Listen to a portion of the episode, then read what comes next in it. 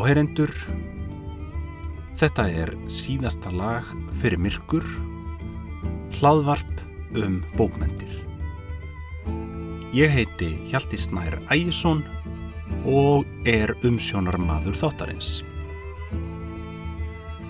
Þetta er 17. þáttur og að þessu sinni ætla ég að ræða um skáldsöguna Farþegin eftir Ulrich Alexander Boschwitz sem útkom árið 2018 og í íslenskri þýðingu árið 2022. Það er Elisa Björg Þorsteinsdóttir sem þýðir bókina.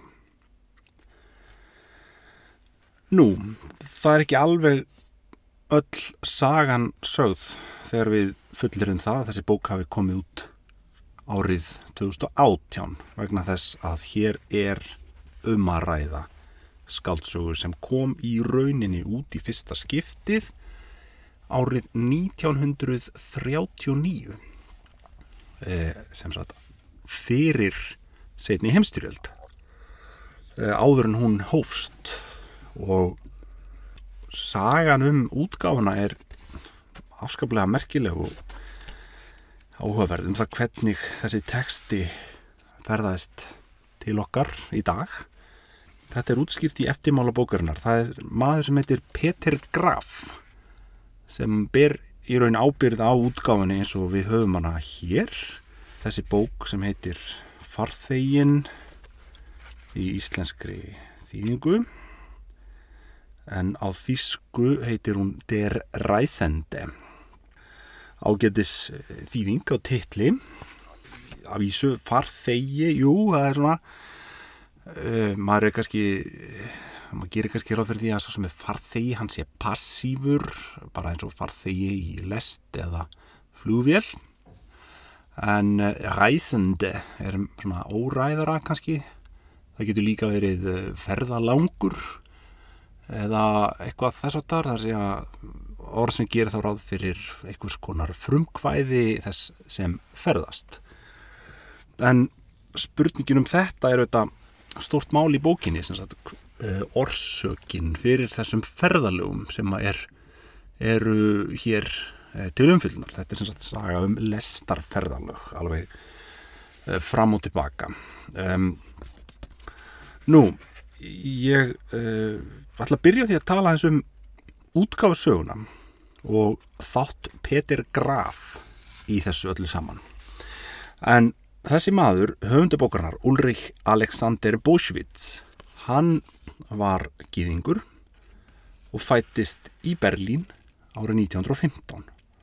Nú síðan taka nazistar völdin í Þískalandi árið 1933 og hann flytu til Svíþjóðar á samt móðu sinni þegar hann er tvítur árið 1935.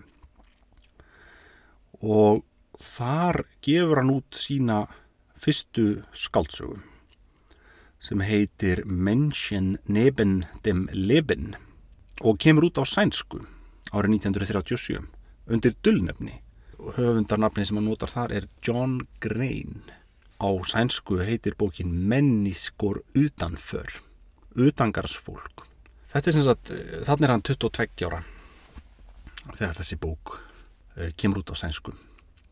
Þannig að hann er afskaplega ungur maður.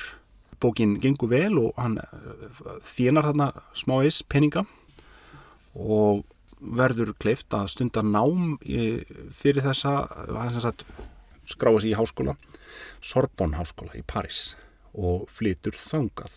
En hann býr líka tímabundi í Belgiu og Luxemburg og það er vist í Luxemburg þar sem þessi saga farþegin verður til svona að mestu leiti nú hann er sagt, þýskur gýðingur fjarrri heimalandinu en samt á miklum ferðalögum. Hann eins og allir bara eða flestir fylgjast, fylgjast auðvitað með fréttum og því sem er að gerast í heimalandinu. Það er síðan þarna þessir örlaríku atbyrðir sem verða í aðdraðanda setni heimstýraldarinnar alveg frá valdatöku nazista þá náttúrulega voru réttindi gýðinga eh, minguð svona smátt og smátt með ýmsum hætti.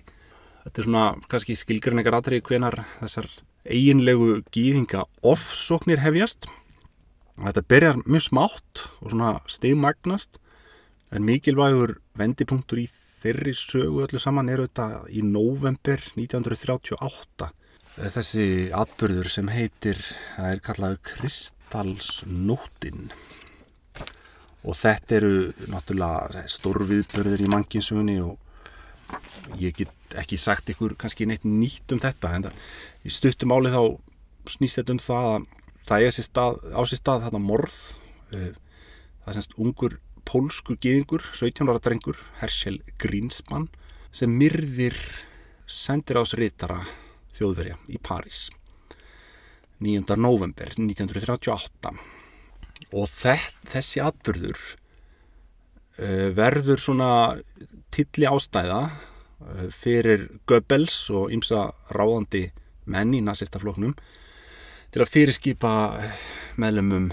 SS og SA sveitana að hefja svona kerfisbundnar ofsóknir gegn gýðingum kveikja í samkunduhúsum þeirra og ræna verslanir og heimili og jáfnveil óeinkinnisklættir þannig að það má kannski segja að kristalsnótin sé svona þessi formlegi uppvarspunktur á skipulöðum ofsóknum í, í gargíðinga eftir að réttindi þeirra höfðu þá verið minguð smátt og smátt árin þarna undan.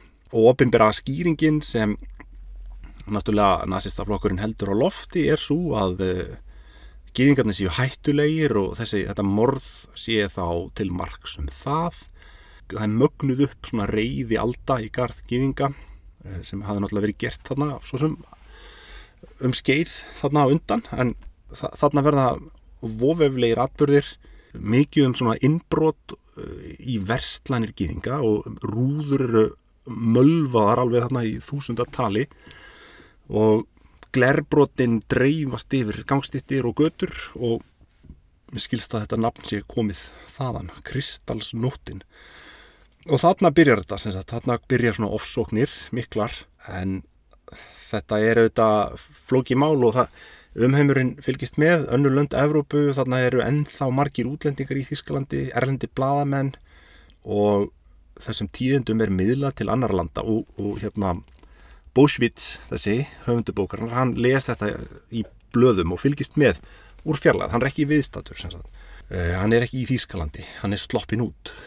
Og uh, það er svona mikil vandlæting og, og hérna gaggríni í alþjóðarsamfélaginu en það er samt einhver tregða svona út um allt til þess að gera nokkuð í þessu. Þetta er menn horfa svolítið hrættir á Þýskaland og Hitler Eh, þetta verður ekki til þess að, að, hérna, að fleiri gýringum verði búin landvistarleifi Erlendis til dæmis.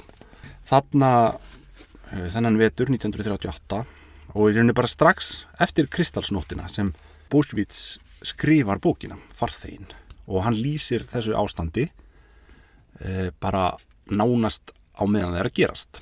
Nú líkt og Búsvíts sjálfur þá er þetta fjöldi gýringa búin að flýja frá Þýskalandi þegar þarna er komið sögum en þeir sem eftir eru í landinu þeir gera sér ljóst að þarna er ekkit annað í bóði heldur en að flýja og það upphefst mikill flótti út úr landinu svona tilraunir til þess. En eh, vandin er að það lokast þarna alla dyr og eh, landamærin eru vöktuð vel það verður eiginlega ómögulegt fyrir gýðinga að komast til annara landa út úr Þýskalandi með löglegum hætti. Það er gert náttúrulega margir uh, reyna að svindla sér og smigla uh, sagt, komast með ólöglegum hætti uh, bara til að halda lífi og það er einmitt um það sem er fjallað í þessari bók Farþegin. Otto Silbermann heitir aðalpersonan og það er maður þýskur gýðingur, kaupsíslu maður sem eh, er þarna á flóta og að reyna að komast út úr landinu. Þannig að það má segja að hér sé eh, svona eins konar dæmisaga eða svona saga sem já, saga um mann sem er fulltrúi fyrir marga aðra. Lýsandi saga fyrir aðstæður. Þessi bók kemur út strax árið 1939 í Englandi. Og kemur út á ennsku og heitir þá The Man Who Took Trains og kemur út síðan árið síðar í bandaríkunum það er ómögulegt að fá þetta útgefið auðvitað í Þýskalandi. Þarna er stríðið að fara af stað.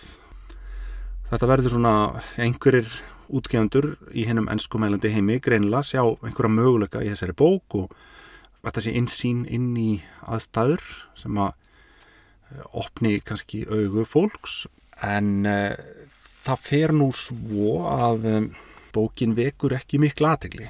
Hann uh, skrifar svo aðra, eða byrjar að skrifa aðra sögu, sína þriðju, strax eftir útgáð þessarar árið 1939 en um, hann er handekinn uh, og þau bæði, maðgininn í Englandi.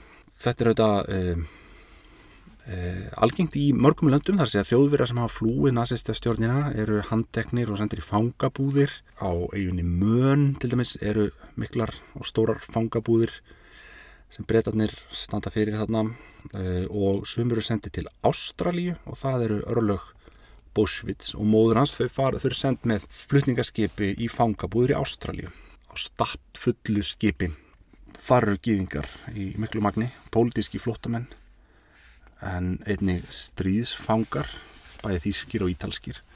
Ríkalegar aðstæður í þessu skipi mikil þrengsli og, og uh, bara ofsóknir eða ofbeldi þar sem áhöfnin bara misþyrmir föngunum og þeim sem eru stattir um borð og eignum fólks er rænt og, og þetta er sagt, næstu í tveggja mána sigling þarna yfir til Ástralju þetta er skipið Dunera og þetta er svona leiðinda blettur í sögu Breitlands þessi þessar aðgerðir þarna. Síðan er Bushwitz í Ástralíu bara sem fangi fram til ársins 1942 þá hafa aðstæður þetta breyst gríðarlega í stríðinu og hugmyndin er að bjóða einhverjum að þessum fangum frelsi gegn því að ganga í herin, breska herin berjast gegn nazistunum e, í stríðinu. Bósvits er e, í þessum hópi, e, þarna er hann að skrifa þriðjubókina sína og hann, það eru til bref frá honum sem hann hefur skrifað samfanga sínum, þar sem að sést hvað hann er ótrúlega metnafullur, hann veit hann er með eitthvað magnað í höndunum þar sem hann miðlar svona sinn í reynslu og hann er eiginlega hrættari á þessum lýsingum að dæma hrættari um að týna handritinu heldur hann að deyja hann vil uh, þráið svo stert að þetta komist til skila. Síðan sagt, á leiðinni aftur til Englands þegar hann er silt til Englands þá verður skipið sem hann ferðast með fyrir árás frá þýskum kafbáti og er sögt og hann deyr. Og druknar þarna e, á samt öllum sem er um borð og handritið sekkur í sæ og hefur glatast. Og það er sem sagt saga sem við munum aldrei e, fá upp í hendur. Nú en farþegin, þessi saga sem hann náði þó að gefa út hann sagt, náði að gefa út þessa tvær e, hún náttúrulega kom út á ennsku sagt, en kom aldrei út á þýsku. E, eftir að stríðinu líkur þá er ákveðin svona hópur manna sem að hérna, vil halda hans nafni á lofti og, og gefa bókinu loksins út í Þískalandi, á Þísku gefa texta Bushwitz sjálfs út. Eh, frum textan og ímsir leggja hönd á plógin þar meðal sjálfur Heinrich Böll sem er einn af þekktustu rittöfundum Þískalands á uh, árunum þarna eftir stríð. Hann uh, agiterar lengi fyrir bókinni og sendir hana að mæli með þessu við útgefundur og áhrifamenn í bókmyndaheiminum en hins vegar verður ekkit úr þessu. Það er bókin kemur aldrei út. Uh, og ég veit ekki nákvæmlega hvað veldur því. Það er náttúrulega uh, eins og ég hætti partur að starra máli að árun, á árunum þarna eftir stríð þá er þetta mikla uppgjör í gangi og, síðan hefst svona efnahagsbilding uh, mikil þegar að landið er og, og bara Evrópa eins og hún leggur sig er byggð upp aftur eftir stríðið og í því andrumslofti þá verður í Þýskalandi svona einhver fælni við að tala um fortíðina, menn vilja bara svona íta þessu tilbaka. Og verist ekki að hafa verið einn stemming fyrir svona bókum á þeim árum. Þannig að þetta svona fjarar bara út. Og það er í rauninni ekki fyrir en sko með 68 byltingunni sem að ný kynnslóð tekur þessi mál aftur á dagskrá. Og bara svona tala fyrir því að nú verður þetta gert almenlega upp en það er náttúrulega önnur annar handlikur sem sagt, ég ætla ekki að fara alveg í smátrið út í það en allavega skáldsam farþegin bara lendir upp í hillum. Handritið er geimt inni á skjálasafni í Frankfurt sem sagt bara endar þar. Og svo líða árin og ekkert gerist en í desember 2015 þá fær þessi Petur Graf eh, bref þetta er bara bókmentamadur útgefandi og hann eh, er þarna með bók eh, sem að hann hafiði endur uppgötvað það er skáldsað sem heitir Blóðbræður eftir Ernst Hafner og var skrifuð árið 1932 gamalt handrit sem hann þessi Petur Graf tók upp á sína arma og gaf út og svo bók var þýtt á allmörg tungumál meðal annars á hebreysku og gefin út í Ísrael. Og í tilefna þeirri útgáðu þá byrtist þarna viðtal við hann í einhverju bladi og eftir að viðtali byrtist þá fær hann post, tölupost frá manninu sem, sem tók viðtalið sem bók, og er bókmyndagakariðandi eh, Avner Shapira. Hann fær skeiti frá konu sem heitir Royella Shahaf og hún byður hann um að koma sér í samband við þennan Peter Graf.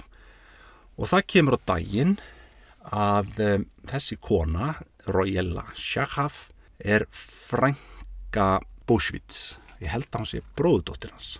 Hún uh, kynir hann fyrir þessu máli og Peter Graf fer á stúfana ferðast hann til Frankfurt og uh, finnur handritið og, og bara les það í einum rík finnst þetta alveg ótrúlega saga og hérna hillast svo af þessu.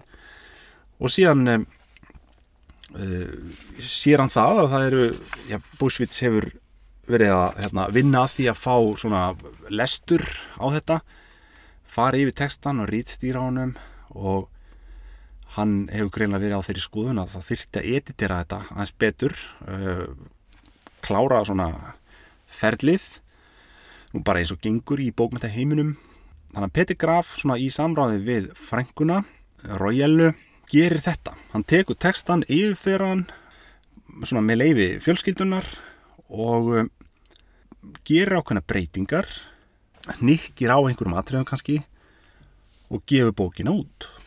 Þannig að það er síðan sagt, ekki þarna fyrir 2018 sem bókin loksins kemur út á þýsku.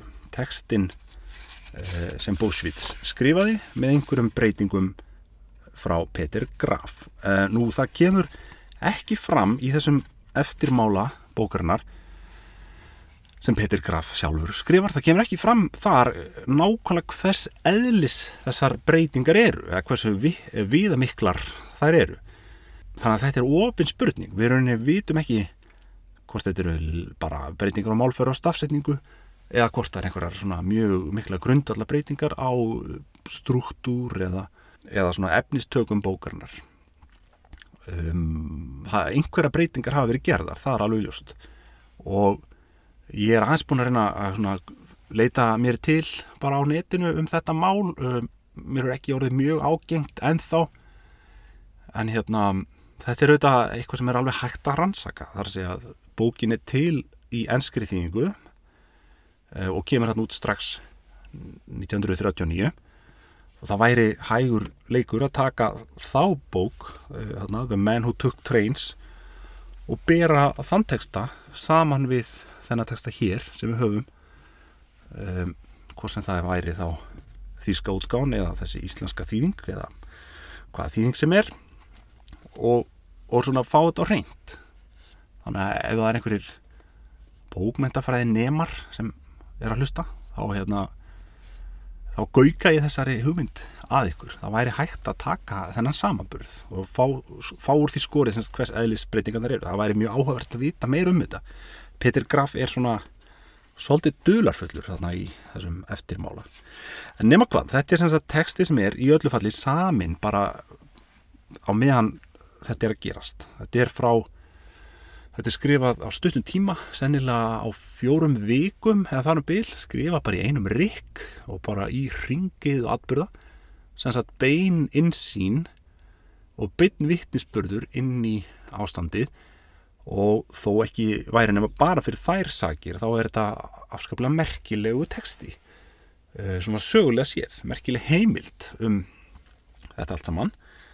Nú en svo má eh, spyrja sig hvort bókin sé eh, sem, sagt, sem skáldverk svona hvort þetta sé eitthvað um, hvort þetta hafi einhverja galla sem að fólki, fólk getur látið fyrir töðnar á sér. Það, það var soldið tótnins á maður í þessum e, þeim rítdómum sem byrtust um bókina þarna 2018 og eftir að e, það er ímsið gaggrinendur sem að svona, jú, benda á það þetta er æsku verk þetta er svona kannski ómótaður höfundur og engin sérstök engin sérstakki snildataktar kannski í efnis meðferðinni þetta er saga sem er skrifuð við mjög ekstrem aðstæður og á stuttum tíma.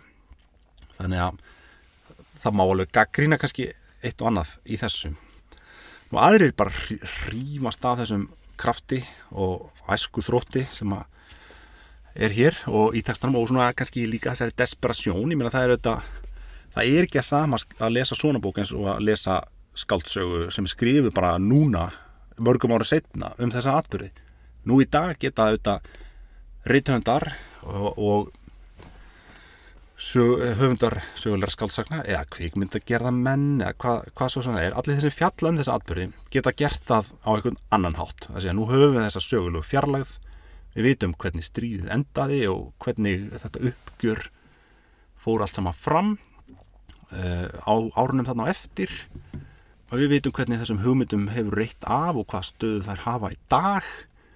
Þannig að óhjákvæmilega þá hlýtur öll umfjöllunum þess aðbörið að spekla samtíma sinn og þannig er það auðvitað á hverjum tíma. Og það er svo gríðalegt magn af efni um svona gýðinga, um þessa gýðinga ofsóknir og þessa aðbörði hvort sem það eru bækur, kvikmyndir sjónvastættir það eru ákveðin svona, já, ég meina margt fólk náttúrulega er bara vel að sér í þessu. Hefur bara séð þessa þætti horta á þessar bíómyndir lesið þessa bækur og við, og við vitum alveg það eru ákveðin svona mótíf uh, í þessum bókmæntum í þessari hefð sem við þekkjum. Það er þessi bók hérna farþegin hún að mínumati svona, nú er ég engin sérfræðingur í efninu en að mínumati þá kemur hún ágjörlega heim og saman við uh, þessa, þennan korpus og það komir kannski svolítið óvart hvað þetta smellpassar einhvern veginn vel.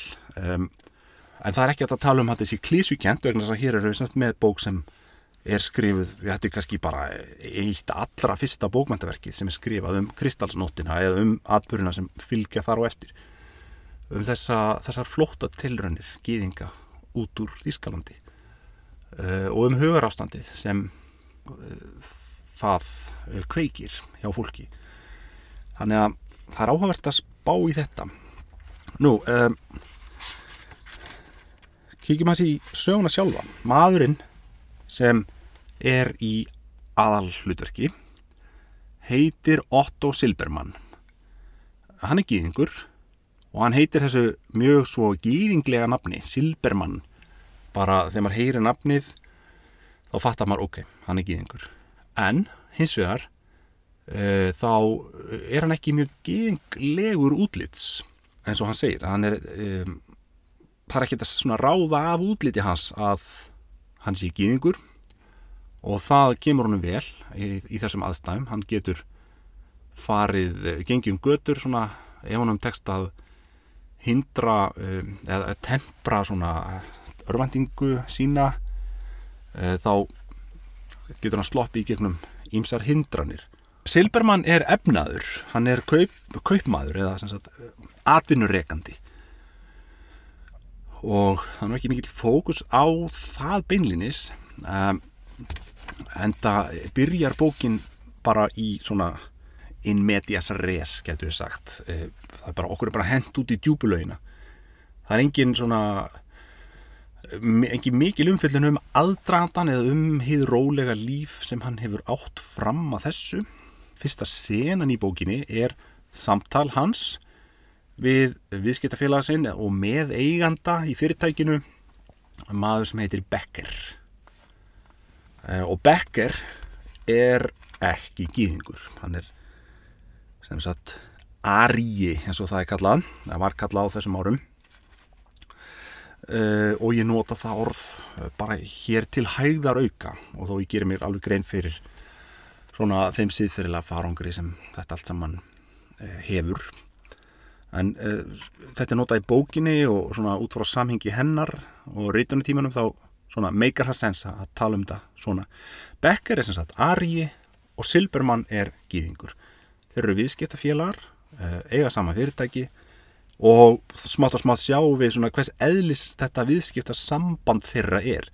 Það er í stuttumól þannig að Silbermann hefur byggt upp fyrirtækið, hann hefur viðskiptavitið uh, og á allar eignirnar. Uh, Becker aftur á móti er bara eitthvað svona hálgerður einfældningur eða engin svona afburða maður, bara óskupu venjulegu náungi. En hann er vel tengdur, hann er í nazistafloknum, hann þekkir uh, áhrifamekla menn og uh, er sem sagt ekki gýðingur og þannig hans hann getur svona gert ímislegt sem Silbermann getur ekki. Þannig að þetta er svolítið kaup-kaups. Þeir geta hjálpast að og það er allt svona bara í góðu þarna í byrjun bókarinnar. Becker er að fara til Hamburgar og hann er að fara með peningasummu uh, allmikla uh, meðferðis. Það stendur til að sagt, fjárfesta og landa einhverjum viðskipta dílum þarna. Silbermann er svolítið nervös og hrættur um þetta hann veit að, ja, hann veit að Becker hefur tilhengu til að eh, spila fjárhættuspil. Hann er hrættur um að taka í peningana bara og eigða þeim í eh, spil spilamennskum en þeir tala um þetta og, og Becker segir bara, jú, hafa engar ágjur og, og það kemur fram að hann er í flokknum og hann er, hann er nazisti og segir við Silbermann sko, já, þú ert að þú ert ekki eins og aðri gýðingar eitthvað svona ég, ég hef trú á þér. Það er eitthvað vísbendingar hann strax í byrjun bókunar um að þetta munir nú kannski ekki enda vel.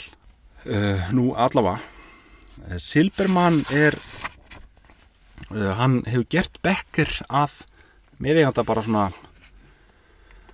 já ekki út á einhverja hæfileika hjá Becker heldur bara hann hefur gefið honum þetta tækifæri nú síðan fer hann til Hamburger og Silbermann er áfram uh, heima við uh, og síðan semst þarna strax í fyrsta kaplanum uh, er bara kemur upp þarna ógnar ástand, það, það er maður sem heitir Findler sem er komin á heimili hans til þess að semja við hann og kaupa á hann íbúðina.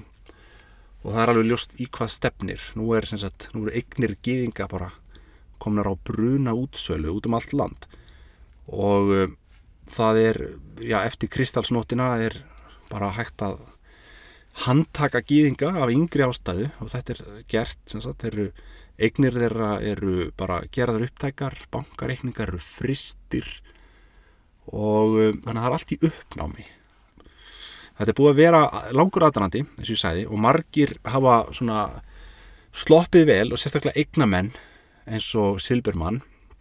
Fólk hugsaður þarna á þessum árum já, þetta hlýtur að fara að stoppa. Ég, þetta, það hlýtur að allt lagi, verða allt í lagi með mig. Uh, og þetta er svona mótíð sem þekkjum líka úr þessum gýðinga, þessari gýðinga hefð bókmetta hefðinni um, en nú er svo komið að hérna Silbermann verist uh, hann er ofin fyrir því að selja bara íbúðinu sína. Uh, hann veit að ef hann gera það ekki þá kemur sennilega svo stund að hann, hún verður bara tekin af honum. Og þessi Findler sem er hann að tala við hann í fyrsta kaplanum hann er að bjóða í, í búðuna e, bara eitthvað verð sem er algjör brandari sko, ekkert í samræmi við verðgildi.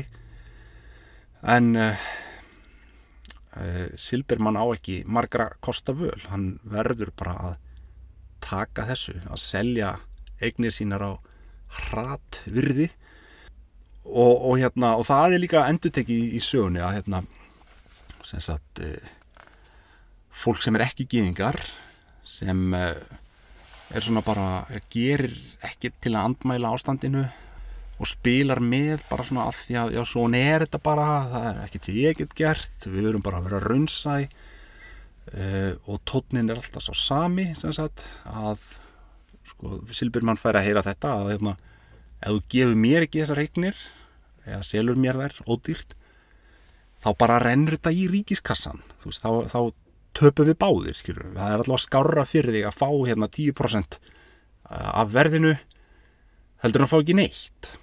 Og þetta er náttúrulega það sem eignamenn gýðinglegir eignamenn standa framifyrir og erfiða spurningar svona efnaðslegar sem þarf að taka afstöðu til. Um, nú á meðan þeir eru að tala um þetta og það verið að þrúkum verðið og fyndler býðu bara alltaf læra og læra bara á meðan á meðan á samtalenu stendur þá er bankað á dyrnar og SS sveitirna eru bara mættar. Nú stendur til að taka Silbermann úr umferð eða setja hann í fangelsi eða eitthvað þann að verra og hann rétt með naumyndum næra sleppa út úr íbúðsynni hann eh, gerir kaupsamning óformlegan en hann fær enga peninga greita út í hönd. Þannig að hann sagt, hleypur út baktirmegin út um einhverja bruna útganga þarna. Og bara rétt þegar hann er farin þá brjótast uh, stormsveitirnar hann inn til hans. Uh, og upp frá þessu er hann bara á flotta þannig að líku fyrsta kaplabókarinnar og kaplarnir í þessari bók eru afskaplega svona, það var mjög sjálfstæðan kjarna. Það væri alveg þetta að sjá þessa bók fyrir sér sem sjónvastáttasériu það sem að eitt kapli er bara eitt þáttur. Þetta er svolítið svona, í þeim dúr. Þetta eru stakir kaplar í þeim skilningi. Ekki mikið um kannski flæfi svona á milli. Mjög snirtilega afmarkaði kablar nú uh, og síðan sem sagt hefst þessi mikli flótti flótti út úr íbúðinni og Silbermann er bara já, hann, hann bara fer út á götu svona nánast bara í fötunum sem hann stendur í og, og ekki með nema bara peningana sem hann er með í veskinu sínu. Þetta er engar rosalega eignir sem hann er með eða semst ekki miklir fjármunir hann er í símasambandi við Sonsinn sem býr í París og hann er að uh, reyna að retta landvistarlegi fyrir hann þar en það er auðvitað hægara sagt en gert. Síðan ákveður Silbermann að taka lestina til Hamburger og finna félagasinn Becker og bara reyna að leggja spilin á borðið og svona spyrja hann hvað getur þú gert og hvernig getur við retta þessu? Og hann hittir hann eða sér hann tilsýndar hann á hóteli eða á veitingastað hóteli þar sem hann er umkringdur mönnum í nazista búningum e, og Silbermann svona horfir á hann úr fjarlæð Becker sér hann en vil ekki tala við hann og, og greinilega sendur hann svona ílt augnaráð. Hann er ekkit sáttur við þetta að að þessi gýðinglegi vinnrans sé að hérna, fylgjast með hann með að koma að hann þarna þessum aðstæðum og þeir get ekki tala saman fyrir en alveg uh, já, fyrir en að hérna, þeir eru komin á annan vettung og það er hætta líðin hjá. Og þarna er ja, hlutinni breytast hratt og fyndler nú, nei afsækið hann Becker núna er, er svona bara búin að missa áhugan á samstarfinu. Hann hann eh, hérna tala bara fyrir því að þeir bara splitti þessu upp og bara hætti þessum rekstri og segi bara nú ég skal bara taka þetta ég skal bara taka hérna, borga þig út. Uh, þú getur ekki haldið áfram rekstrinum þú ert geðingur og er þá ekki skára ég kaupið út bara fyrir slikk heldur en að heldur en að þú bara fær í fangilsi og fáur ekki neitt. Að þetta er alltaf þessi tón og alltaf þetta, þessar aðstæður sem hann er í þeir eru ekki sáttir þegar þeir hveðjast leiðinda endir á þessari vináttu þeirra. Að þetta enda sagt, með því að Becker tekur upp úr skjálatöskunni sinni umtalsverða fjárhæð 40.000 mörg eða rúmlega það sem er alveg gríðarlega miklu peningar en ekki mikið fyrir heilt fyrirtæki. Og þetta er svona lítill peningur fyrir hann eh, sagt, ef hann fær að kaupa hann út og fara að eiga fyrirtæki einn eftir þetta þá náttúrulega er þetta ekki há uppæð en þetta, þetta er uppæð sem breytir öllu fyrir uh, Silbermann í þeim aðstæðum sem hann er í þarna. Og, og uppfara þessu er hann í sögunni bara með þessa tösku uh, með sér. Hann er með seðla uh, sem, sem, sem hann treður í skjálatösku og hann er á sífældum vergangi hann gistir nótt og nótt á hóteli og hann þarf alltaf að vera var um sig veltaði fyrir sér hvort það séu góða lík hvort það séu mikla líkur á því að að hérna nazistarnir komi á þetta hótel allir ég sé óhuldur hér. Hann til dæmis gistir ekki á hótelum sem eru rekin af gýðingum vegna þess að þau eru í svo augljósari hættu. Bara hvena sem er gæti það gerst að að það er ráðist þar inn og allir handteknir. Eða tekinn rassía og, og náttúrulega hann meðum leið og menn heyra nafnið þá er hann krafin um pappýra og e, þarf að sína þarna vegabriði sitt og í vegabrifum gýðinga er skrifað svona stort raut jóð e, til að auðkjöna þá. Og það er ekki fyrir enn sem sagt árið setna eftir þetta, þarna 1939 held ég sem að hafi byrjað þetta með gulu stjörnuna. Sem að þeirra gýðingar voru auðkendir svona útlitslega og þeim var gert að bera eh, stjörnu á handlegnum þetta er ekki, það er ekki komið sem það fyrirkomla þegar þessi saga gerist. Hann er svona regald í allir sögunni, hann er í stöðugum lestarferðin og hann kemst að því að þetta er svona kannski örgasti staðurinn til að vera á, bara vera í lest. Hann þarf að ferðast fram og aftur uh, milli borga. Hann þarf að velta fyrir sér hvort hann á að vera á þriðja farrými fyrsta farrými, hvað hann á að vera. Það eru raug með og móti öllu þessu. Hann uh, til dæmis sér í einhverju lestinni að hérna, þriðja farrýmið er fullt af fólki og hann heyrir einhverja menn tala hann á ganginu bara já það er þessi lestinu bara fulla gýðingum og gýðingarnir eru flestir á þriðja farrými. Þá hugsa hann ok, ég, hérna, ég kaupi mér með á fyrsta farrými. Og af því að það er örgara þannig minni líkur á að það verði gerð rassía þar. En svo koma aður önnur augnablík þar sem hann er kannski orðin svona ítla rakaður, skeggjaður og hérna sjúskaður eftir velding mikinn. Og þá hugsa hann, ok, ég verða að vera á þriðja farimi. Það gengur ekki að ég sé í þessu ásíkomulagi á fyrsta farimi. Það myndi vekja aðtegli fólks og það er það sem hann vill ekki, hann vill auðvitað falla í fjöldan, hann vill ekki vekja aðtegli hér er mikið samræðum í sögunni. Hann hittir mann sem heitir Liljenfeld Eh, og sömu kaplanir eru bara svona samtal og svo er það klárað og svo kemur svo persóna ekkert meira við sögu. Þetta er kannski eitt, af því sem við myndum afgreða sem svona æsku innkenni að hérna, svona til margsum að bókin sé kannski eftir ungan höfund sem er ekki mjög sjóaður rítöfundur en enga séur mjög svona klift og skorið þægilegt aflestrar. Og Liljanfeld þessi, hann er gíðingur þetta er í kabla fjögur í bókinni. Þeir, sjás, þeir hittast, lenda hann í sama lestavagni og þekkjast ekki neitt. Vakna strax spurningin og alltaf þegar tveir eða fleiri ókunnugir eru þarna á, já, í, saman í lestarklefa eða einhverjum aðstæðum þá einhvern veginn vakir alltaf spurningin í loftinu. Er þessi gýðingur Silbermann er alltaf sem þarf alltaf að vera í vörn og alltaf svona eins og bara hrætt dýr hann uh, ákveður að nota nýja taktík þarna og þjarma að þessum Liljenfeld uh, og reyna að kreista það út úr húnum að hann sé gýðingur og það kemur á dagina, hann er gýðingur en þeir ná saman og spjalla og Silbermann viðkenni fyrir húnum að hann sé líka sjálfur gýðingur og Liljenfeld þessi sem er handverksmaður hann uh, trúur hann fyrir því að hann sé á leiðinni til Dortmund þar sem hann veit um mann sem hefur stunda þetta að smigla gýðingum út úr landinu uh, með einhverjum ólöglegum hætti. Og hann hvetur Silbermann til að gera slíkt í sama og lætur hann fá nafn og heimilisfang mannsins.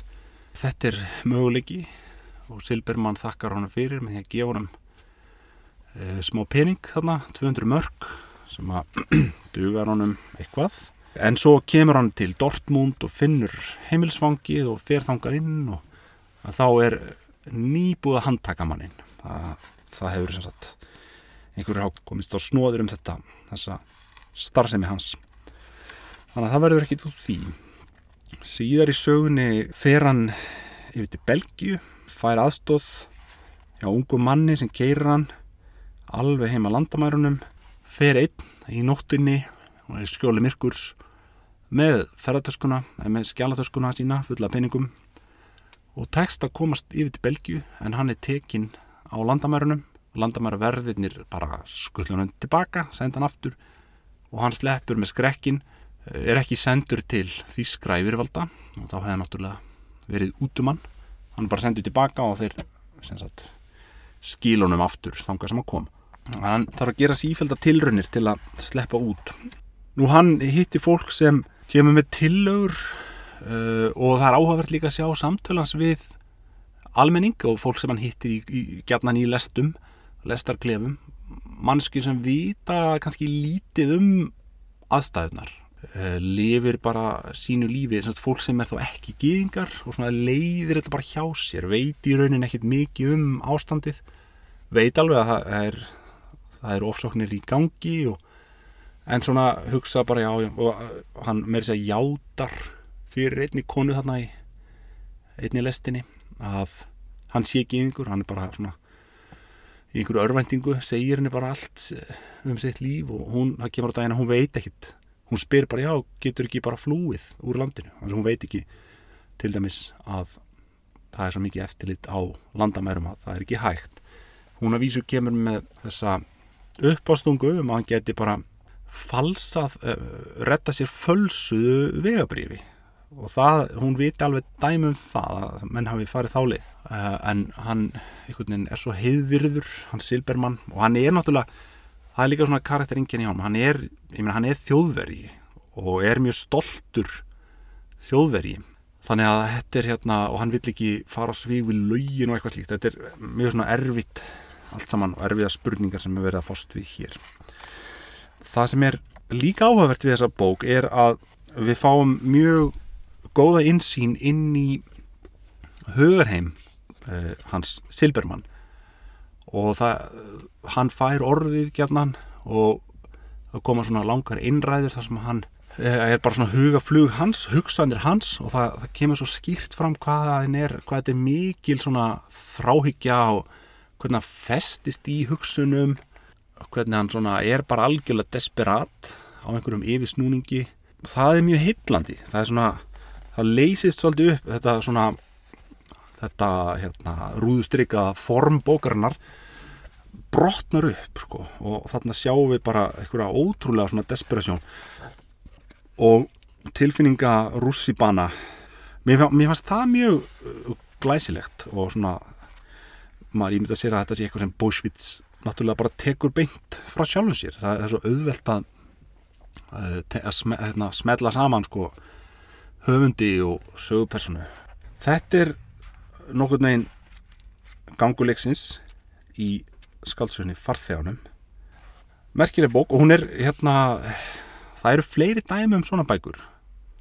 Bækur sem eru skrifaðar í ringiðu atbyrða og bara í þessum samtíma þarna á fjörða og fymta áratöknum annarkot rétt fyrir stríð eða í stríðinu eða bara rétt eftir stríð eh, sem hafa ekki verið gefnar út fyrir nýlega. Og hérna eða endur útgefnar eins og þessi. Ég nefni til dæmis skald svona Jeder styrpt für sich allein eftir þískaritjandin Hans Fallada eh, hún kom út undir nafninu Alone in Berlin A-leitin í Berlín nú þekktara dæmi er kannski skaldsagan Frönsk Svíta eftir Íren Nemirovski sem kom reyndar út á íslensku, íslenskri þýðingu eftir Fredrik Rapnsson 2012 mun það hafa verið saga úr stríðinu sem var aldrei gefin út fyrir en bara á 2001. öld áratugum setna eftir að hún var skrifið. Já, þetta er alveg svona sérstu kategóri af bókmyndum bækur sem eru gemdar lengi og gefa okkur síðan bara mörgum áratugum setna einhverja nýja sín eða kunnulega sín á þessa velþektu og dramatísku stórviðburði í mankinsögunni. Og farþegin eftir Ulrich Alexander Bushwitz er eina þeim. Nú, en ég læt þessu þá lokið að þessu sinni og ég þakka þeim með hlýtu verið sæl.